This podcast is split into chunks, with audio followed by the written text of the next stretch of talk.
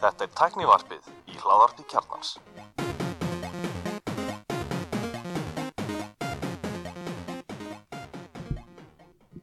Komið þess aðalblæsuð og velkomin í tæknivarpið. Ég heiti Gunnar Rinnir Ég er Elmar og erum með góðan gest í dag. Hjálmar Gíslason, stofnandi Grid og fleiri fyrirtækja og tæknisjafræðingur og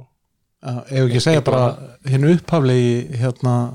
tækni hláðarpar Íslands uppalegi Gumi Jó. Já, kannski Já, kannski, ma- og og einn eigundur kjarnast það ekki líka. Jú, það passar ma- marga hatta. Já, já, maður kemur í, svona, við hér og þar Ég var að senda þér skilabóð til þess að bjóða í þáttin og þá sagði ég búin að senda þér skilabóð í svona 5 eða 6 ár reyna að fá því í þáttin og alls konar til um en Alveg frá því að þú varst með hérna datamarka þá bjóstu út, það bjóstu í Boston eða ekki? jú, ég er búin að búa eða ég sett bjóð úti þannig í 6 ár frá 2012 til 18 Já. og hérna, þá dottu ykkur ekkert í huga að gera þetta við Zoom eða neitt þannig, sko, Nei, við, við, við viljum fá menn í, í, í settið sko. En, en, en hérna ég hefði nú ekki getað fengið sett meiri press á þig sko. Ég maður eitt með við einhverjum hittingi á kjartan þá var ég að spjalla við sko. Ég mitt þá var stutt eftir að þú, þú er að gera þessar árlegu tæknispár greinaðinnar á kjartanum. Já, þess að þú fer svolítið svona yfir hvað þú heldur að muni standa fram úr á árunu já, ég byrjaði þetta fyrir allöngu síðan, ég hef við gert fyrstu kannski 2005 eða 6 Já. og síðan held ég að bara dotti út tvö ár síðan þá, náttúrulega þetta var lengur að kjarnin var til, en, en síðan hérna uh, var það svona já, e- eðlilegur, eða já, þau sóttu þetta að fá þetta þangað inn þegar, hérna, þegar að kjarnin var til. Og síðan kom ég þar að málum talveit setna, Já, þannig að hérna, það, er- það er svona tilurðin á þessu, en það er gaman að, að prófa þetta, þetta er svona hefðum hérna jólin aðeins að setjast niður og spá í hvað, hérna, hvað er að gerast í tækni og, og tölvum og svona hvað það þýðir og þetta er kannski þróast frá því að vera svona svolítið granjular, velta fyrir sig hvaða græjur er að koma eða eitthvað svo leiðis yfir í kannski aðeins að velta meira fyrir sig svona stærri straumunum og kannski hvaða áhrifu þeir hafa á samfélagið og þannig. Já þetta er ekki hvort það verði, verði punch-hole myndavili næsta Samsung Galaxy símónum Nei, en það hefði alveg geta komið sko þarna fyrstu árin, þá hefði það alveg geta verið eitthvað. Já, nákvæmlega. Nokia kemur með ekki taka síma. þe þe þe þetta er, sagt, er svona nánast eins og jólakortið bara. Já, þetta er svolítið þannig. og þú skrifaði greinuna sem kom bara í byrjun janúar það ekki? Það sem að hérna þú kannski bara, förum kannski yfir hana og svo getum við farið hans yfir að svona aðra tækni pælingar og, og, og eins og þú ert náttúrulega mikil tækni á, ég ætla að fylgja þér á bæði Facebook og, og, og þú ert mikil ímsa pælingar þar. Mm þetta skiptir það ímsu, þú veist, ég svo með eitthvað til og þannig í skipulags þannig að betri reykja eitthvað með eitthvað, torg þarna Já, já, maður lendur, lendur fátt hérna, lendur fátt frá þessi fara. Já, það, það er, það frábært hérna, kannski byrjum bara á, á, á, á greininu, þeir sem, sem að hérna vilja, vilja lesa greinina, þá er náttúrulega á kjarnin.ri svo heitir bara teknispá 2021 Ná, já, þrýr sterkir ströymar Einmitt. og hann kom 5. janúar og kannski byrjum bara fyrsta liðnum myndavélin er sterkar en sverðið. Já, hvað er þetta að fara þar? hvað er, sko, ég hef svona hérna verið að velta eins fyrir mér uh, þessari, ja, þetta kemur, þetta kemur á nokkrum áttum, en hérna uh, eitt er nú bara hérna mikil umræðum lestrakunnáttu og, og hérna aðganga lestrarefni og einhverju svo leiðis og, og svo hitt að það hafa verið uh, mikil uppgangur náttúrulega á alls konar myndrænum miðlum, svona síðustu tíu árin bara frá því að allir fóru að ganga með myndavél í vasanum þá hérna, við erum alltaf séð Instagram og Snapchat og TikTok og síðan er meir og meira farið að sko blandast inn í aðra miðla líka alls konar myndefni. Og uh, hlaðvarp náttúrulega orðið hérna eh, mjög útbreytt og svo framvegis þannig að það er greinlegt að það er verða, það er verða miklu hérna uh, fjölbreyttar í rauninni leiðir sem að fólk er að miðla efni heldur en var. Og ég fór svona bara að velta þessu fyrir mér að, að hérna uh, textin er náttúrulega búin að vera algjörlega dominarandi og það er einhver hundruð, einhver hundruð ár þar sem að það hefur verið í rauninni leiðin til að koma efni til massans. Og síðan sjáum við náttúrulega á þe- hérna síðustu öld það verið útvarpið og sjónvarpið og þetta svona fer aðeins að að breyka en ég held í rauninni að, að það geti verið að textin uh, hafi verið svona já, var bara í rauninni afleðing af tækni sinns tíma og hérna uh, núna þegar við höfum fjölbreyttari leiðir við getum öll, höfum öll fjölbreyttari tæki og fjölbreyttari leiðir til að koma hugsunum okkar á framfæri þá er kannski textin ekkit eins hérna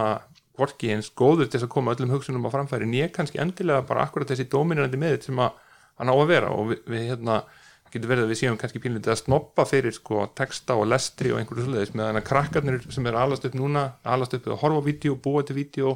eh, alast upp með myndavél eh, bara frá fyrsta degi að ég held að þetta kalli á eða líklegt að þetta breyti talsveit mikið hvernig, við, hvernig miðla samsetningin verður eftir segjum eh, 30, 20, 30, 40 ár þá held ég að hérna, textin verði uh,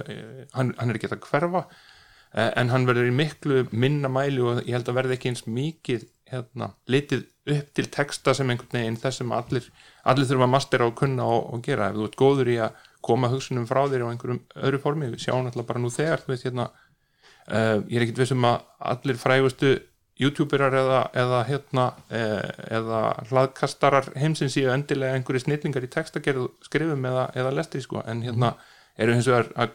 gera mjög áhugaverða hluti og, og hérna koma því fram, frá sér og skemmtilega nátt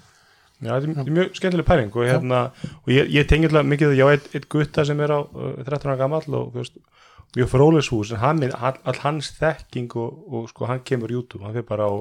það er alls konar skemmtilega rásir það sem eru með sögu og sagfræði og alls konar hlutum sem að er sett fram í svona þægilegar umbúð fyrir markkópin sko. Það er náttúrulega algjörlega effortless að, að, að fá meira efni hjá þeim sko. Ég, ég meina stelpu sem er 13 ára og hún er mitt bara það, bara, það, það veður í hana fró, fróleikur sko í gegnum þessa meila algjörlega, ég, ég minn nýjára gutta sko, hann hérna uh, hann er, hann er ekkit endilega sækjast í að lesa, hann hefur samt rosalega gaman af sérstaklega fróðleik og hérna meira heldur en sko hann sækir, þegar hann sækir í bækur þá sækir hann frekar í, í hérna einhverja fræðibækur heldur en í sögur og, og svo framvegis. En hann sko ég var á hans aldrei búin að lesa alls konar alfræðibækur og hitt og þetta og lág yfir þessu og fannst það gaman sko. En hann veit ekkert minn en ég, hann hefur það mest alltaf af YouTube og úr einhverju sem að stundum kemur hann mér bara alveg gjörsamlega óvart að vita einhverja hluti sem að, þú veist, ég er ekki hugmyndum að hann einhvern veginn væri búin að meðtaka sko. en auðvitað er þetta alltaf svona þú veist það er, ákveðið mikið sem getur komið frá þér í tímið YouTube-vídeði sko. Versus að lesa, þú veist, þykka, þykka bók sko. Ja, þe þe náttúrulega þegar einhver er konum með lestra hrað þá náttúrulega er, er hann mjög fljótur að klára eina, eina bók sko. Já, en það er alltaf vandamáli með, með stóra hluta af krökkum að þeir vilja ekki lesa og bara forðast að lesa og eru svona bara það að og ég meina maður auðvitað hluti að því náttúrulega svarið við öllu af hverju gerði við hlutina þegar hún krakkar er svo að það var ekki til Playstation 4 þá skilur okkur leiddi. þess að las maður, menn ég las svo mikið og maður las allar þessar, þú veist, ævindirabækur og húnlingabækur og svo leiðis maður hefur ekki gert það með að haft sjónvapin í herbygginu sínu og Plex og Netflix og Disney Plus og allt á sjónvapinu og svo Playstation 4 fyrir neðan, maður hefði ekki lesið þessar bækur. Þannig að börnun okkar er náttúrulega bara en svona mín náttúrulega sem barn var, er, er beint afsprengi bara Gutenberg hérna, printing press sko. Já, algjörlega ég er hættur um að hann snúi sér í gröfinni núna með það Já, en, en þetta er mitt máli sko. við, við horfum eiginlega ekki, það er svo langt síðan að við horfum ekki á prentteknina sem tækni lengur sko. við, við horfum ekki á þetta sem einhvern miðil eða, eða hérna, eitthvað sem einhver, einhver tækni hafi uh, gert okkur kleift að gera en auðvitað er það það Ég meina, hérna, uh, en hins vegar kannski svona lengri, lengri sveifla heldur en maður er oftast að horfa á þú veist, þetta eru 500-600 ár já, já. Já, maður, ég les, lesið mig til um það sko með, ég er mikið hljóðbókum aðeins að vera, þú veist, podcast hlustandi í tæp 20 árið eitthvað, bara síðan fyrstu podcastum komu. Og, og þar undan hljóðbækur og hlustum mikið hljóðbækur og maður hei, þetta er oft svona það stuða og stek- svona, svona, þetta er svona með rafhjól, sko, fyrir svona 10 árum Mhm. að þú sagðist nota rafhjól þá varst til að bara algjör aumingi sko, þú, varst allavega ekki reyðhjólmaður sko. það Já, þú veist, þegar, en, en nú er þetta algjör snúst við sko, og þá svolítið svipað mér ráðbækur sko, eða hljóðbækur, og þú sagðist hlusta á bók, þá bara, nei, þú, þú last ekki þessu bók, sko, þú hlustaðar á hana. Já, já. og maður fór svona eiginlega að segja bara, ég las þessa bók af því að leiðu sagði, sko, ég hlusta á hana þá var það umræðið ekki bókin sjálf, sko. Nei, nei. En það, það er allavega orðið svona viðkendara í dag að, að fólk les á mismunandi hátt. Sumir lesa með augunum og aðri lesa með eyrunum og, almennt eru fræðin þannig að þú munt muna það betur og þú lesta með augunum já, þú munt skilja það betur, þú munt muna það betur. Það er ekkit gríðarlega munur þar á. Og, og það sem spila kannski líka inn í að það er meiri líkur og sért að gera einhvað annað með ert að hlusta ljóðbókina heldur þú ert að lesa heldur þú ert að lesa með augunum. Já, þannig að það gefið þið minni fókus. Ég er minnst ekki eftir, ef ég hlusta á hljóðbækur þá ef það er eitthvað svona þingra efni, eitthvað sem ég kannski þekki ekki alveg vel, þá finnst mér þá yfirleitt lesið það með eironum bara upp í sofa, leggst bara upp í sofa og hlusta á hljóðbók. Ef ég er að, þú veist, taka til bílskurnum, þá getur ég alveg með Arnald í og, og þú veist, ég næja alveg sögunni þar en ég er ekki að ná meðtek eitthvað svona fræðilegan texta skilurðu. þannig að það er líka spilar inn í. Þetta, er- þetta er klárlega, þetta eru nokkuð mismunandi munstur og þú veist hérna, ég held, einmitt, sko, að punkturinn sé kannski akkurat þarna, það eru bara mismunandi miðlar og mismunandi tegunda neyslu sem hendar mismunandi efni, sumt getur maður gert á margar mismunandi hátt en til dæmis eitt um maður er að lesa mjög abstrakt bækur þá er hérna þá eh, þá vill maður stoppa og hugsa og lesa hægt og ég vil lesa aftur og eitthvað sliðið sem að hljóðbókin býður ekki mjög vel upp á en texti er mjög góður í. Eh, hins vegar sko, er hægt að koma líka mjög flóknum eh, konceptum á framfæri með myndefni á steyttri tíma og eitthvað sem að manja vel betur heldur en í bók. Þannig, algjörlega. þannig að þetta er bara, þetta er bara uh, breykandi flóra en ekki endilega þú veist, eitt sem muni útrýma öðru. Og þá líka við maður að hugsa sko, meina þeir sem hafa skrifað texta skrifa góða pisla, greinar eitthvað slíkt þú læra þú veist, þú ert texta skrifa svolítið annað heldur en bara bladra skil, þú ert alveg að hugsa þetta þú ert með upp að miða endi, þú vilt tengja saman upp að endin og út með einhvern punkt sem þú ert að gera. Þegar við erum að blæða í tæknuefnin þá erum við sjálfast að gera, við erum bara að tala, við erum bara að spjalla saman eins og við varum að spjalla saman á bar í bjór, skilur þar það er ekkit endilega gríðarlega mikil hugsun á bakvið það, það getur alveg áhugavert áhlustunar. En þú ert ekki með þetta svona þetta er ekki, þetta er ekki eitthvað svona einhver punktu sem þú ert að gera. Þetta er ekki ritrýnt sko. Hins, vegar sko, ef þið, ef þið hugsið um sko bestu podcastin sem þið hafið hlustað á þá eru þau með svakalegri production. Þau, er þau eru náttúrulega með, með handriti, með hljóðmynd á bakvið og veist hérna, það er lagt rosa mikið í það og það er alveg bara massa efni sko. algjörlega, það, það sé punktum að sá sko, ég er, að, er að svolítið að um byrja á þetta nýtt forrætti byrja notation sem er svona hérna ég er einu svona til að halda, halda þetta er svona hérna, við getum notað þetta fyrir project management og svo leiðis og, og þeir, þeir eru að vera sponsorum mikið á youtuberum um þetta, ví- þannig ég bara að horfa mikið á youtube um, um þetta, þetta notion, no, notation app og, og það, dætti henni vídeo vídeo sem ma- maður er að útskýra hvernig hann gerir vídeoan sín. Og það áttaði mig á því bara hvað production levelið á þessum YouTube-vídeóum. Fyrir mér er þetta bara gæi sem er að blæði myndaðalna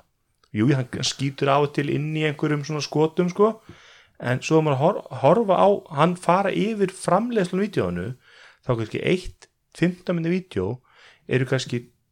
100 mismöndi skot. Mhm. það getur verið skota sem að tala beint um myndalina, það getur verið skjáskota sem er að gera á skjánum, það getur verið sk- skot og hlið á skjánum, það getur verið vídeo og einhverju vídeosafni. Þannig að hann er ymmit að búa til þessa sögu eins og ég er að segja á hann með pislinum, hann er að búa en ef þú horfir á þetta þá finnst þér eins og sé bara að blæðri myndalina í tíu myndur Já, en það er kannski bara gæðin á production þarna. algjörlega, þú veist, þannig, að- þannig að þetta er, þetta er svona ef þú getur einmitt, þú getur sagt nákvæmlega sömu punktana, þú getur komið betur frá þér.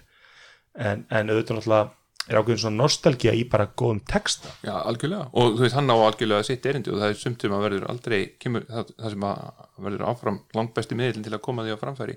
Akkurat samt á þessu, sko, hérna með um, með undibúningin ég tók einhvern tíðan eftir því, ég frekar oft talað á einhverjum ráðstöfnum og eitthvað svona og hérna, um, eitt af því sem ég áttaði með að vera því knappara sem að formið sem maður fær því, að segja, því ákveðnara sem formið sem maður fær er því betur það maður undirbúa sig og því, þess vegna verður fyrirlusturinn yfirleitt betri. Mm veist, ég get alveg mætt óundirbúin upp á svið og talaði 20 myndur um eitthvað sem að mér finnst áhugavert en það verður ekki nærið þess þétt efni eins og það tekið saman. Og ég hef nokkru sinnum hérna, challenge að sjálfa mig í, í ég að, að hérna, taka þátt í svona uh, já, í bæði skiptin sem að ég hef gert það uh, heitir þetta lightning talk þá er rauninni fær maður 5 mínútur til þess að fara yfir 20 glærur og það er bara að skipta. Það er rauninni 20 glærur og 20 sekund- sekundur á glæru og það er bara auto-advansa og hérna, þá verður maður bara að vera búin að æfa sig og meira að segja sko að æfa sig alveg niður á tímasetningar til þess að hitta á að vera að segja réttu hlutinu með réttu glærunum og svoleiðis. Og það gerir það að verkum að það er að pakka inn í eitt kvöld kannski 20 rosalega góðum og áhugaverðum hérna, ólíkum fyrirlesturum af því að hver þeirra tekur bara 5 mínútur versus að, að, hérna, e, að á svona venjulegri ráðstefnu þar sem að fólk er misundibúið og, og svo framvegis þá er hérna e, þá er kannski svona gæði per mínútu ekkert, ekkert, hérna, ekkert frábært sko. Nei, nákvæmlega, það, það er góð punktur og, og þetta munið bara þróast, þróast munið mun, mun þróast út í það og alltaf bara mikil umræða núna að veist, íslenski drengir er að koma rosalega illa og er allum samanbæri við bara nágrannlöndin í, í lesskilning og leshraða og, og bara koma út úr grunnskólunum bara þannig geti skilið textan og ég lendi nú sem þú spjallega svo mér, hann fattar bara ekki sko, hann á vantar upplýsing ég segi, þú lestu það, það stendur þetta að það stendur á skiltunum hvað, það sem þú ert að pæli sko, en, en bara tólið að lesa er bara ekki tól sem að menn venja sig á að nota sko. Þetta kemur náttúrulega inn á líka bara eh, hluti sem er, er mjög vel erindi í þetta, þe- þennan þátt ykkar hérna líka sko, sem er bara aðgengi að efni á íslensku. Og, hérna, og þar akkurat sko hallar mjög á fræðiefni eh, vegna þess að fyrir 20 árum þegar internetið tók yfir þá hættum við að, einmitt að veit, þurfa að gefa út allar þessar bækur á íslensku og fólk fór bara og leitaði sér að, að efni og þá hætti útgáfa á svona efni eins og ég og með grunnar kannski við, við allir hérna höfum gaman að lesa þegar við vorum yngri. En skáltsagan, þú veist, hérna hún lifið miklu meira og það er miklu meira verið að búa til að henni að þannig efni bara e, á Íslandi. Meðan þú ert ekki að búa til sko íslensku bókum reysaðilur eða eitthvað þannig. Það er bara, Nei. hér, það efni er eiginlega komið úr það er bara ævar Útgáfu. vísindamæður og villi sko, sem, að, sem að er að vinna í þessu á íslensku þess konar efni. Já, og það sjáum og sævar kannski. Já, og svo sjáum við líka oft bara með sko, þú veist, ma maður haldið, þú veist, þú spáðið fyrir tíu árum sko, þá væri, þú veist, þá væri tæknin vandamálið, eins og sjáum við þessu umræðuna með, þú veist, vantar íslenskun á Disney minnar, já, ekki með tækni ekkert við, Nei, þetta er bara einhverju gamlir rétta samlingar, leikara og Disney vill ekki borga einhverjar miljónir fyrir að það er að gera, verðast það þarf að borga fólkin aftur fyrir réttin og, og svo á sambjóðin réttin þeir borguðu einhvað fyrir þetta og þá vilja það fá sín hluta og þetta er fast einhverstaðar þar. En það er engin tæknil ástæð fyrir þessu. Nei, það er allavega ekki tæknilegt vandamál við að delivera þessu en, en, hérna, en tæknin er náttúrulega það sem er að, hérna, þegar við, allt sem við gátum neitt var bara línulega miðla og svo framvegis þá náttúrulega var, var, voru þeir gatekeeperar sem þar voru þeir sáu bara til þess að þetta var bara þetta var alltaf á ákveðnum stað þarna en núna þegar að annarkvært heimili er með Disney Plus og Netflix og uh, hérna kannski einhverja íslenskar uh, veitur líka og svo framvegis og þar að auki þú veist með YouTube og, og hérna, HBO og hvað þetta heitir allt saman sko. þá en svo, hérna en svo við líka þessi erlendu, erlendu einmitt, þú veist, við hefum við haft þessi íslensku gatekeepara einmitt, en svo kom þessi erlend og þeim er alveg, þú veist, þessi íslensku hafa allar reynd svona, þú veist, það er búið að ala það upp í ákveðinu umhverfi og veist, þeir sína hlutunum ákveðinu virðingu, veist, og þeir eru í Íslandi og vilja þá standa svo vel fyrir Ísland. En, en, en svo koma erlendu alvendi, þessu risar og sáum bara dæmi, nýlega dæmi það sem var hérna rétturinn að landsleikjunum var seldur einmitt. og stöðtöfnum er rétt einhverja ára og þú veist það hefur verið á mjög svona, flott umfyllunum bæði landsíki kalla á hvenna svo kemur Viaplay þeir komið bara landsíki kalla, þeir er engin business í landsíkjum hvenna og, það og það taka þau svolítið út úr sko allt er búið að byggja upp. Þeir eru bara að horfa á Excel-skjalið eða, eða grid-skjalið mm -hmm. eftir, veist, og, og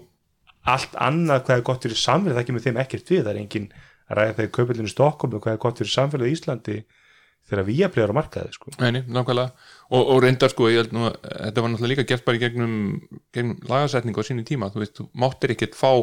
útsendingaleifi í hérna, í bylgjunum í loftinu nema þú værir með uh, í, í efnið íslenskað mm en þú veist, núna eru og er ekki henni ennþá eitthvað svona Já, já. vottur og svona lögum sem verðast bara Netflix undanþegnir og Já, það er bara, það gildir ekki um þetta það er, það er náttúrulega ekkert er það er ekki í lofti sko. það er ekki einhver takmörku öðlinn sem að ríki þarf að afhenda Netflix til þess að það geti sendt út á netinu sko. nei, nei.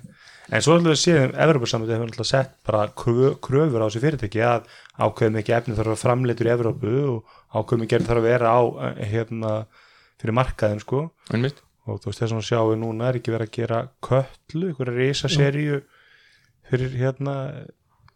á Netflix með fyrir hérna sem allt er að gera. sem allt er að gera, veist, þannig að það, það Og- kemur bara alveg gæla það. sennilega eitt besta sjónvarsefni sem ég hef séð í mörg ár er hérna Money Heist á spænsku. Já. Un, unnið á Spáni og uh, Netflix með risastór production í Madrid Já, Já, og, við sjáum líka bara hérna íslensku Netflix er sko hérna sem ekki á pólverum í Íslandi og þeir eru horfum ekki á pólsku efni sem er mjög vel gert, ég bara bara þetta er nokkrar pólska serjur Mhm. sem er bara, að maður- það eru mjög mörgum þarna sem er að gera hæklas efni sem Já. er ekkert endilega ratin á borðhjóðmanni hérna sko. þetta tekur svolítið enn vingil af rúf sem ofta er sagt sko, rúf er að fara út úr þessu ameríska dóti og koma með, með, meira með hækvöldi efrastefni, en það er svolítið Netflix og Viaplay og Disney Plus munu það taka það yfir Þannig að er heimilið Skandinavia nú var bara í heiminum held ég algjörlega og, og hérna gera bara mikið, mikið á flottu efni Mm. en, en er eins og ég segi það er hvort að íslensku verður ekki aðlatrið eða hvort það verður Nei. þú veist, Íslensku síni land og þjóð í, í ákveðnu ljósi eða eitthvað skilur sem er kostur að kalla við það sko. Já, já, algjörlega. En svo er þetta náttúrulega líka bara það er náttúrulega, það er náttúrulega til alveg rosalega mikið af efni og uh, þú veist, við tökum bara rúf sem dæmi til hérna mörg mörg ár af alls konar efni sem hefur verið búið til þar. En það er hvergi hægt að komast í það. En það er fullt til að góðu íslensku efni hér og þar en það er bara einhvern veginn fast einmitt eins og þú varst að tala um áðan á bakvið réttafasamninga eh, á bakvið bara takmörku fjárráð og, og hitt og þetta. Mi- mikið af þessu rúfefni er náttúrulega fast bara á einhverjum spólum sem er ekki hægt að koma í dreifingu þú veist, á ljósvakamiðla Ég held með þessi búið að leysa rétt af að gerður ekki samning við í leikarafélagi fyrir einhverjum árum? Og þeir megi þess vegna er núna að þú horfur að rúf á daginn að það getur að horfa á gamla þætti með öxlust, það voru gerður eitthvað svona samningar Jú, jú, Sem það er, eitthvað, þetta, sko. er eitthvað að þessu búið að leysa og svo náttúrulega líka bara fullt af efni sem að rúf bara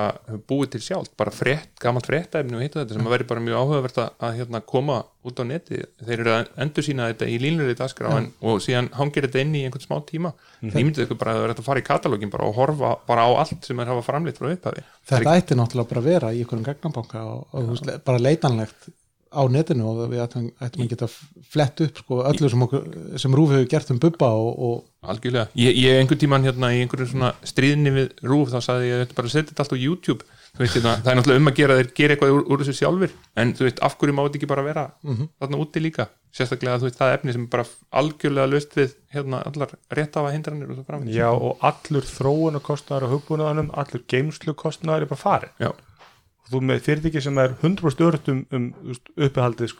sko uppi tíman, en mitt og maður sé þannig stundum að nota þessi kerfi sem að svo þarna mentora sem að bönnum að nota maður er bara akkur er þetta ekki bara Facebook-grúpa sko, þetta er svo Svo- jung sko. þetta er svo brotið og, og, og bara sérstætt sko. Og svo líka kannski lokka maður sér inn í þetta inn í þetta svo sjaldan sko þannig að þú veist að þá ertu dottin út og mannst ekki pinnkóðan inn og eitthvað svona sko. Staðan sé bara í það, það, það er bara að fara það æfinga, það æfinga veit ég hvernig ykkar bönn eru það er F og er þetta komið allt í einhver sér upp sko, sportabler, sportableri mitt sko sem var, var annað að fara á undan. Það var, já, guð. Já, ok, sem var ennþá verða sko og það er þetta með einmitt svona þú veist, og það er einhver öryggiskall í því því ég var búin að loggast út og einhver zoomfundur að gera út af einhverju gothjákaferð og þá ég búin að loggast út úr appinu sko en fekk allir notification samt sko áfram. Já, á svona ákveðin öryggiskalli. Áhugavert. En, en, en þá hugsa maður, þú veist, þetta var alltaf á Facebook og þá líka misti maður aldrei að þessum ábendingum að því að þú veist, þú ert alltaf með Facebook þannig að þú veist, þá fekk maður notification og svo, sko, en svo alltaf menn mistuðlega á Facebook. Já, já, þetta er, þetta er náttúrulega allt kostu galla, sko, það er hérna svona aðeins að segja þannig inn í eh, hlut sem ég finnst mjög áhugaverði, það er sem hugbúnaði sem er búin til fyrir notendunar og hugbúnaði sem er búin til fyrir það sem actually kaupa hugbúnaðin og hérna það svona það, það lyktar sumt sem er gert fyrir skólakerfið allavega af því að hérna, það er búið til til að tekka í all bóksin í einhverju kröfugerð sem að, þú veist, kemur frá sveitafélaginu en það er, það skiptir engu máli í rauninni, notendu upplifin skiptir engu máli fyrir hérna hvorki kennara eða Nei, það er mikið í mentor, það eru svona flokkar sem að heita mjög svipuðu nafni þannig að það er algjörlega handa á skemmt í allavega hjá mínum skóla sem bæti mín eru, hvort að verkefnin fari í verkefni eða próf. Og þá, þá er að- maður er að leita, það er algjörlega random hvaða kennari var að skráta inn hvort hann valdi sko. Já, og líka bara svona, þú veist að, að út með fimm ólesin, ólesna tilkynninga við þetta barn, en ég veit ekkert hvar það eru sko. Já, já, nákvæmlega, mér skilst þetta sem líka hérna, það sé ekki sérstaklega aðgengilegt ef maður er með fleiri en eitt barn, þá þarf einhvern veginn alltaf að vera að skipta milli og, Já. Já, þetta er, þannig er að, já, svo, svo er kerfi hvað sem er háskólinu hvernig þáttur sem að hérna ég notaði í, þegar ég var í háskóla hérna, alveg skelfilegt kerfi sko. Og, og inna. Inna já, það, er, það, er ekki, það var ekki, ekki gott en, en það er oft með svona stóru flókingerfi að þau verða Nei, en svo er til bara lausn frá Google sem heitir Classroom sem bara virkar og er einföld og, og, og svona læsileg fyrir bara meðal notandar já, en það er eins Google Classroom í, í, í rækjaskóla og þau eru með iPad að öll sko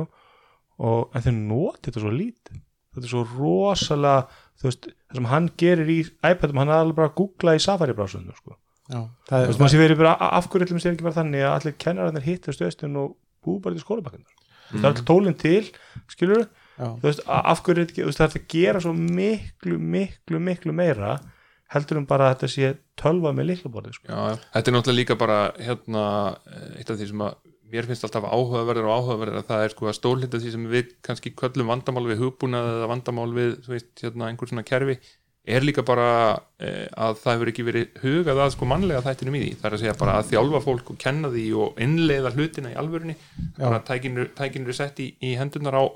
þú veit í þessum tilfellum hérna, nefndum og kennurum án þess í rauninni að það sé gert það sem þarf til þess að sko, koma því í nótkun það er engin innleðing sko á undan, það er engin innleðing að fasið þar sem kennurum er, er, er uppálegt hvernig er best að, að koma efninu frá sér sko. og þá finnur bara hver síðan leið og þess vegna lenda sömu verkefnin í hérna, hvað kallar það, próf og hinn í verkefni þú veist, það er, það er ekki vegna þess að sko einhvern veginn kannski var kerfið ágætlega hugsað en það var ekki, hérna, það var, þeirri hugsun var allavega ekki komið á framfæri við þá sem að síðan er að nota kerfið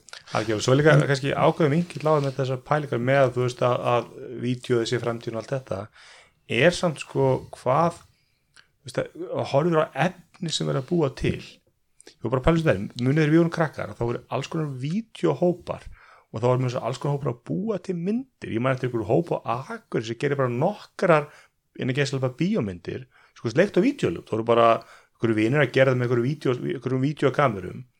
nú eru börnir einhverju öll með síma sem er betri mynda heldur en sko allt þetta undan. Og, en samt sé maður ekkert af þessu skila sér. Það er enginn að búa til efni sem er eitthvað lengra heldur en bara 10 sekundar TikTok-vídeó mm, Þú veist, það er það sem trendar. Mér finnst það nú þetta að vera allur gangur á því sko. ég meina, mu- það muni eftir einhverju svona einhverju sem gerir bara bíómynd eða, eða stuttmynd eða eitthvað það bara í stuttmyndir sem að, sem að krakkarnir í, í langkvöldskóla hafa verið að setja á YouTube já, það er að, aðeins svona dottið. Þá ætlaði það guttarnir með fréttastúna það er sér þá. Já, já, Þú veist, maður, en mér, maður hefði haldið veginn þegar, þú veist, ef þú hefði fengið tólið fyrir 20 árum að þetta verið gjössalega allt morandi í þessu. En þetta, þetta er rosalega það er kannski bara því einsleitt og einfalt efni, veist mér. Já, ég veit ekki það, hérna, er þetta ekki samt líka bara er þetta ekki líka svolítið í neslunni það er að segja e, þetta, þetta hérna 90 mínútna form eins og það var eiginlega sko, allar bíómyndir voru hérna 90 89 til 93 mínútur Jep. hérna einhvern tíman og síðan þú veist, lengdust þær og styttust og menn hafa verið að prófa þessu svolítið áhrif með þetta. En núna er þetta rosalega mikið að þetta sko í annars vegar sko rosalega langar serjur af kannski 40 til 60 mínútur þáttum uh, og þú veist, margt sem að var gert í gamla dag, ef, ef að Harry Potter var að koma út núna sem bíómyndir þá væri þetta sko nýju sísón af hérna, uh, með sko 12 þáttum með hverju sísóni absolutt. Uh, en, hérna, en ekki átta myndir eins og þeir hérna enduð í, tökur sjöpækur og gerðu átta, Já. átta myndir úr þeim. Uh, og hérna, uh, það er svona spurning hvort að þú veist uh, að því að production value eða einhverju sem einhverju sko krakkar eru að gera, þú veist hérna, jafnvel þú hefur miklu betri tæki og síðan alltaf alveg klári eins og krakkar hafa alltaf verið, þá hérna þá er production value á því í 90 mínútur ekki þannig kannski að það hafi margir þólum til þess að sitja yfir því sérstaklega ekki þegar fólk, fólk eru svo vant þú veist, hérna, mínútu klippunum og svo framvegis. Þannig að ég held að, ég held að kreatífi hæfileikarnir séu kannski bara að fara svolítið í það að búa til það sem að virkar í veist, þessum, e, þessum heimi þar sem að það er bara svo mikið til af efni að þú gefur þessi ekkit, þú veist, þú ert ekki að fara að gefa einhverju mynd eftir þú veist, hérna, gagfræðaskóla krakka á Akureyri, þú veist, einhverja hérna Nei, en Einhver einhver- 50 einhver- mínútur á einhver- ævi- æviðinni, sko. Þú veist, ég man ekki að það sé bara hér, hér eitthvað sem er að trenda, hér er einhver sitcom þáttur sem einhverju gæjar í Baltimore gerðu skilur bara, Mhm. þú veist, South Park var bara einhver brandari sem þeir gerðu fyrir einhvern og þú veist, mér finnst þú, maður maður spyr sig, er einhvern veginn, er þetta svona sko, þú veist, er, er, hérna er menn svona að, þú veist, að eima nullið skilur, þú veist, er, er, er, er, erum við ekki að sjá meiri, þú veist, er, snýst þetta ekki bara um það að núna leiðist okkur aldrei sko. Og, þú veist, Ég er líka ekki vissum að við sjáum þetta allt sko. ég er alveg vissum að krakkarnir eru, þú veist, getur bent okkur á hérna, það er, það er til með slatt af íslenskum youtuberum sem er að spila tölvuleiki og segja frá því og er bara með ágæta production og svona í kringum það. Veist, það er kannski bara ekki, þú veist, þetta er ekki eitthvað sem við sjáum. Það eru krakkar að búið til frábær TikTok-vídeó veist, þannig aftur, við kannski bara sjáum þau ekki. En hérna, ég sá allavega í hérna, sem sagt, í vor í COVID-1 að þá, þá svona breyttist rosalega mikið sko, allavega hvað krakkarnir mínir voru að vinna í skólanum sko. Veist, að það breyttist hvernig þau það og hvernig það- þeim að byrti þetta og, og náttúrulega þau voru þá alltaf annað hver dag heima að vinna sko. þannig að veist, það er svona eins og eitthvað hafi, hafi smollið þarna í, í skólanum hjá þeim þar sem að, að þau svona fóru að nota hluti eins og til dæmis klassrum mun, á mun skipilaður og betri hátt þeir eru svo gott seggu yfir í næsta hlutan í greinu sjálfmas, það sem að hann fór inn á skustu á framtíðanar Já, ég var búin að fá leið á allir hinnum sko, að það voru svolítið langt þvaður um eitthvað sem að tengdist ekki neitt sko. það, það var mjög smúð þeir og það var svolítið svona þú hérna menn, þú, þú, þú með eitthvað fyrirtæki í, í Já. talsvíð á orra og menn, þú, og, menn, þú hefur ekki fyrirtæki á Íslandi sem er hlutur stóri bandarska einingu. Einmitt. og, og svo leið, sko, hvernig finnst þér var þetta ekki bara gott sparkið raskandi fyrir heimsbyðina í svona remote work og svo leiðis Jú, sko, hérna ef við byrjum á skólunum þá kom náttúrulega, og þú veist, í rauninni ekki bara skólunum heldur, það þurftu allt í einu allir að bjarga sér, þú veist, það var bara allt breytt fullt af fólki heima, hérna, nefndur voru heima kennara voru heima, uh, starfsfólk var heima hérna, Já, bjarga sér bara á sko, það er fundur á lögdægin, þetta byrjar á mánudaginn þau eru bara að finna út úr þessu. Já, og, þessu. Og, Og það tókst ótrúlega ótrúlega vel. Já, og þú veist, akkurat ef við tökum skólana það sem að sko, það hefur henni ekki kannski mátt gera mikið, allavega hefur fólk ekki upplifa leifi til þess að mega experimenta mikið, þú veist, það verður bara að nota lausnina sem er búið að velja og hún þarf að koma ofan og eitthvað sliðis, og svo þegar öll, bara allt breytist hérna í einu þá þurfti bara allir að bjarga sér og þú veist, sumir dutt í Google Hangouts og aðrir í Zoom og þú veist, hérna, eitthvað í Teams og síðan svona aðeins eftir sem leið á árið þá hérna var greinlegt að þú veist að ríkið eða einhver staðar í, í hérna kerfinu var að fara svona konsolidera aðeins þú veist hvað menn voru að nota og hvernig var verið að nota það og svona. Eh, en held ég bara tölvert að því bara hluti sem að fólk lærði bara við að þurfa að gera þetta sjálft. Og kom kannski í ljós að það að svona með því að sleppa svolítið hendinni af þessu þá er, er hérna, hægt að gera bæði hægt að gera helling en líka bara fólk er, er fært um að gera alls konar hluti þegar, að, þegar þarf á því að halda. Ég held alveg að það sé svona einhver stærri leksi þarna fyrir, fyrir sko, skólakerfið að leifa kannski aðeins meiri hérna, tilrunastar sem er hér og þar í, í kerfinu. Um, en varandi skrifstofunar þá hérna aftur líka að þurfti allir að berga sér. Og ég svona allavega fyrirtæki sem ég reik núna greitt var sett upp með uh, það var sett upp á Íslandi, ég bjóð sett í bandaríkjum þegar ég ákveða að stopna það og ég flutti til Íslands vegna þess að ég vissi að hér gæti ég pikkað í, öxlina á svona fjórum, fimm sem að myndu mynda solid kjarnateimi sem við gætum síðan vaksið utan á. Og það var þar með í rauninni hérna sett upp þannig að við vildum vera saman á skrifstofu. Kreatív vinna gerist mjög vel þegar allir hérna geta auðveldlega átt samtal, verið með töflu verið teiknað og þú veist horta sama skjáin saman og, og svo framvegis. Af því að kreatív vinna er, er þannig að, hérna, hún, er, hún er mjög góð í, í þannig rými. Eh, þannig að við vorum sko fyrirtæki var beinlega sett upp utan um það að, að geta verið á einum stað. Og síðan kemur og, við, þú veist, allir okkar svona allt okkar vinnulag gekk út á það þú veist, hérna svona almennt, þá er fólk á skrifstofunni þú veist, á hérna einhverjum tilteknum tíma yfir daginn, þannig að við getum skipulagt fundi og, og hérna, og nota það að vera á, á sama staðnum. Og svo allt í einu þá bara er ekki takt að vera á sama stað. Og það komu okkur á óvart hvað þetta gekk vel. En ég held að það hafi verið hluta til líka bara af því að við þekktust vel og við vorum komið með eitthvað vinnulag og, og, og svo framvegis svo hérna það sem ég síðan er svona að upplifa bæði, þú veist, beint á eigin skinni en líka ég er að heyra þetta rosalega mikið hjá öðrum fyrirtækjum, að ef að fyrirtæki sem sagt um, fólk er fyrir að sakna þess dálítið mikið að geta ekki hist uh, hins vegar er það líka búið átt að segja því að það er að gera alls konar hluti sem áður einhvern veginn kröfðist þess að, að fólk veri á sama stað eða fólk kjelt að það krefðist þess að vera á sama stað að það er hægt að gera það öðruvísi ég held að sko þegar að hérna, losnar um þá held ég að við munum fara meira aftur í sama formið heldur en sko margir eru að spá, það eru voðalega margir sem einhvern veginn spáði að, að veist eh, stór hluti af vinnu hérna, verði, verði dreifður vegna þess að fólk eru svo vandi og svo framvegis. Ég held að sko fólk sé að vannmeta bara félagslega þáttinn í vinnu. Hérna, við erum, við erum hérna social skeppnur, við viljum vera innan um annað fólk, veist, hérna mismikið og, og hérna, og fólk hefur svona mismunandi preferensa þarna, en, en maður heyrir þetta bara meira og meira, fólk er bara farið að sakna þess, þú veist, að, að geta einhvern veginn farið af heimilinu og, og hitt hérna, fólki í einn personu, þannig ég held að sko, við eftir að sjá ef við tökum bara íslenska umhverfið uh, það var náttúrulega alveg gjörsamlega skakt yfir í það að þú veist það þurfti alltaf að hittast, það var eiginlega ekki hægt að eiga samtal við einhvern innan Reykjavíkur nema þú veist yfir kaffibólla uh, sem að þú veist hefur í för með sér að það er það bætist hálftími hvoru megin í eitthvað commute og þú veist hérna, hluti. sóun. En, en ég held að þú veist við, hérna, þegar eh, hlutinir opnast aftur og, og náttúrulega nú þegar þú veist þá hérna alveg ásættanlegt að taka zoomfund innan innan, hérna, innan höfuborgarsvæðisins Já, það er allir komni með Zoom líka, það er allir komni með Já. það er allir Og tilbúnir- já, þú veist, þetta er ekki veist, þá kannski hluti af vandam var já, ok, þú veist þú, ég meni, maður kannski að díla af fólk sem átt ekki headset og maður bara svona, hvernig getur verið í Já, nákvæmlega en ég held að sem, þannig að það sem ég held að muni gerast er ég held að muni svona 80% fara aftur í sama farið. En hérna hins vegar er búið að kenna fólki fullt af hlutum, það er hægt að halda alls konar fundi það er hægt að gera alls konar samstarf á milli landa á þess að það þurfa að fljúa á milli landa og, og svo framvegis. Þannig að þetta er bara bætt svona við í tólakistuna svolítið eins og við vorum að tala um áðan með, með hérna, myndaveilirnar og, og textan að það er komið hérna, uh, allt í nú komið fleiri tól í kistuna og fólk mun nota þau þar sem þau eiga við. En hérna ég held hins vegar að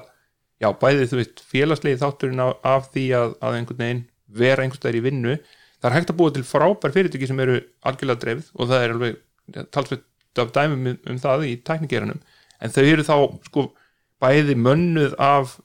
fólki sem að bara líkar það og bara kann vel við það eða er ein- einhver luta vegna í aðstæðum þar sem að það kannski bara gæti ekkit verið að, að hérna, þú, hvorki fyrirtæki myndi finna talentin þar sem að fyrirtækið er nýja talentin myndi finna vinnu við hæfi þar sem að, þar sem að hann er. Það er, hérna, það er svona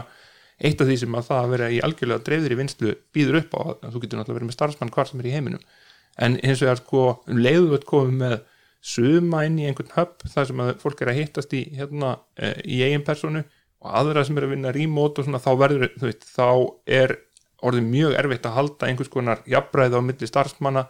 og maður er að heyra það eins og bara nokkri vinni mínir sem er með tæknifyrirtæki í, í hérna á vesturstöndir í bandaríkunum hafa verið að tala um það að sko, þau eru að byrja að missa starfsfólk sem við vita eða þykjast vita að, að hefði ekki skipt um vinnu ef að það hefði bara áfram haft all, allar hérna félagslegu tengingarnar við starfsfólkið, bara vegna þess að það myndi ekki hægt í vinnunni vegna þess að bara það er gaman í vinnunni og þú en vinnurinn er, þó að vinnan sé kannski ekkert sko, ekkert það skemmtilegast sko. en það byggist náttúrulega líka eða getur byggst upp svona ákveðin kerkja á milli þeirra sem eru alveg remote og þeirra sem eru svona on location Ég er líka sko, nú, vinn ég að fyrirtæki sem er í rauninni var bara eins undirbúindu kóðu taktæðar, ég menn þetta er Íslands fyrirtæki með, mér er meina bara bandarinsk verkefni þannig að þú veist, við, við vorum bara í þetta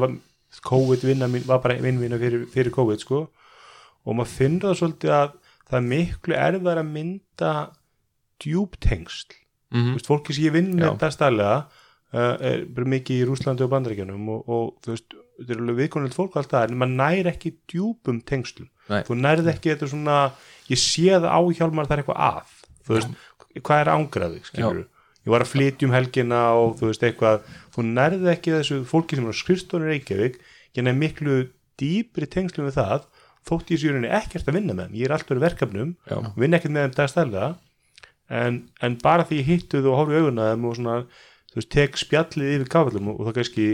út frá bara umræðanum sko 30 tíma vinnuviku og allt þetta, nú verður að við styrta vinnuvikuna að framliðin, ef þú ert með fólk sem er ekki að slæpast, fólk sem er bara að vinna vinnu sína, að það framliðin heldur mun meiri heima vegna þess að þú tekur súmfundi stanslust og vinnaðin er mikið fundir. Þú ert ekki með þetta labbi kaffi þú myndir funda og eitthvað skilur þú ert bara, stundum með maður bara að tengja saman þrjá fjóra fundi þú veist, og, og hérna og, og það er líka minna áreiti Já, ef þú ert þess að vinna með sko, hérna, ef, ef þú ert í svömu verkefnum samt, þá eru hérna, þá er þetta að standa upp og, og hérna fá þér kaffi, það er verðmættir en þú heldur, það er verða til samtöl sem að þú veist, annars myndi ekki vera, það er einhver sem að sér, þú veist, hérna, ef maður er tekst að gera verkefnalistana af einhverju leiti sínilegan, þá verður til samtal um eitthvað sem að, hérna, er, er að koma sem annars hefði ekki orðið til það er hægt að grípa fólk og hérna, heyrðu, æ, hérna getum við aðeins hérna, spjallað um þetta og teiknað einhverja mynd upp á töflu og svona, þannig að það, það er hérna, það er virði í þessu líka og ég er mitt hérna uh, af því að núna höfum við verið að stækka tölvöld mikið, við vorum farið úr 13 í 25 núna á einhverjum 5 mánuðum að hérna ég er átt að með því að sko dagar sem ég einhvern veginn að sumuleiti þoldi ekki áður þar sem að þú veist hérna það var ótal litli fundir og lítil samtölu manni fannst maður ekki koma inn í verk það er eiginlega vinnan mín vegna þess að, að það að geta sko snögt svarað veist spurningu þarna um veist hérna hönnun og þarna um einhvern veginn markasetninguna og eitthvað svo leiðis og svona segja uh, hjálpa til vonandi veist í, í flestum þessum samtölum. Það er í rauninni að hafa miklu meiri áhrif á heldar átbútt fyrirtækisins heldur en ef ég sæti og væri að skrifa sjálfur þú veist hérna einhvern, einhvern uh, texta eða, eða gera eitthvað hands-on af því sem er verið að gera. Þannig að þetta er svona ég held þetta sé aftur, ég held þetta sé réttalegin til að hugsa um þetta er að þetta er gott í bland og um, ég var hérna eina reynslu sögu einmitt af því hvað skiptir miklu máli með að segja þegar fólk er að vinna sko remote eh, að ef það er búið að mynda persónulegu tenginguna þá breytir það öllu. Þannig að hérna, ég, þess vegna held ég til þess að fyrirtæki sem er að vinna remote þau munu eh, meira og, og eru reynda mörg búin átt að segja því að það til þess að taka reglulegt offsite þar sem þú raunverulega kemur fólki saman í raunheimum og hérna fólk borðar saman og drekkur áfengi saman þeir sem að gera það og svona þar hristir hópin saman og gerir síðan fjárvinuna miklu betri eftir á. Algjörlega saman því og, það, saman því og hérna það, það, það er einmitt sem hefur skoðað svolítið rísanfyrirkin hafa verið skoðað svolítið og það er svona skipta skoðanir og flestir hallast að það hafi verið svo veist, það sé ekkit alveg það gott sko, veist, stóru lofræðarstöðu bandaríkjar hafa sér miklu framleið, framleiðinni dropp og, og það er ihm líka þjálfum starfsmannum mjög erfið, það var rosalega erfið að vera nýji gæin í 5.000 manna fyrirtæki í byrjun COVID því að það var bara einhvern veginn engi sem þú þekktir og, og þú vissi ekki hvað þú að leita og með svolítið bara sæl á sko. Og þetta er svona hluti sem þú þarf að læra og er að vera undirbúa betur. En punktur minn er kannski með þetta sko að, að framleiðin next er líka svolítið það er ákveðin svona freistni vatni held ég á fyrirtækjum að, að því að sko það hafa undir þig fjóra fermetrar skrifborð og stól er drullu dýrt. Já, já, og við hefum nú Já, séð þessa algjörlega. þróun hjá fyrirtækjum að veist, fyrir 15 árum byrjaði þetta að opna vinnumgöri og, og það var, það var kryttað alls konar einhverju bullum, þetta verið frábært fyrir sko bara. En auðvitað var bara var það miklu ódýrri heldur að hafa þetta skrifstofndu öllum og svo eru við komið ennþá lengra eins og ert með sko þú átt ekki þitt sæti, þú bara sest einhver staðar, það sem að auðvitað út með 300 starfsmenn og þú ert bara með 100 stóla, það er miklu auðvitað ódýrara. Þannig að maður sé fyrir sér mögulega freistni vandi að þú ert kannski með fólki einhverju vinnu og, og þetta er svolítið svona hann hérna Gunnar Smári var að tala um sko munurinn á landsbankanum fyrir 20 árum þegar skúringunum var starfsmaður landsbankans og hún, það þekkt hann allir og bankastörun heilsaði henni og svo var því útvistað að þú varst komið með bara skúringunni í Securitas og hún kom bara á skúra og talaði ekki neitt og það er spurning sko verður þetta þannig eftir 20 ára að, að fólki sem er vinnu lagstu störfin það er bara brókin heima á læstu laununum, það er ekki svona skrifborð og það hittir það enginn og það er enginn að hitta það. Og það er ákveðin freistni í þessu að svona, veist, skrifstofan er, er ekki bara topparnir, skilur, það þurfa að vera allir, skilur Mhm. og, og það, það þú, þú þarft að eiga það skilja að fá aðstöðu vinnuðinni og sé bóri virðing fyrir þínu starfi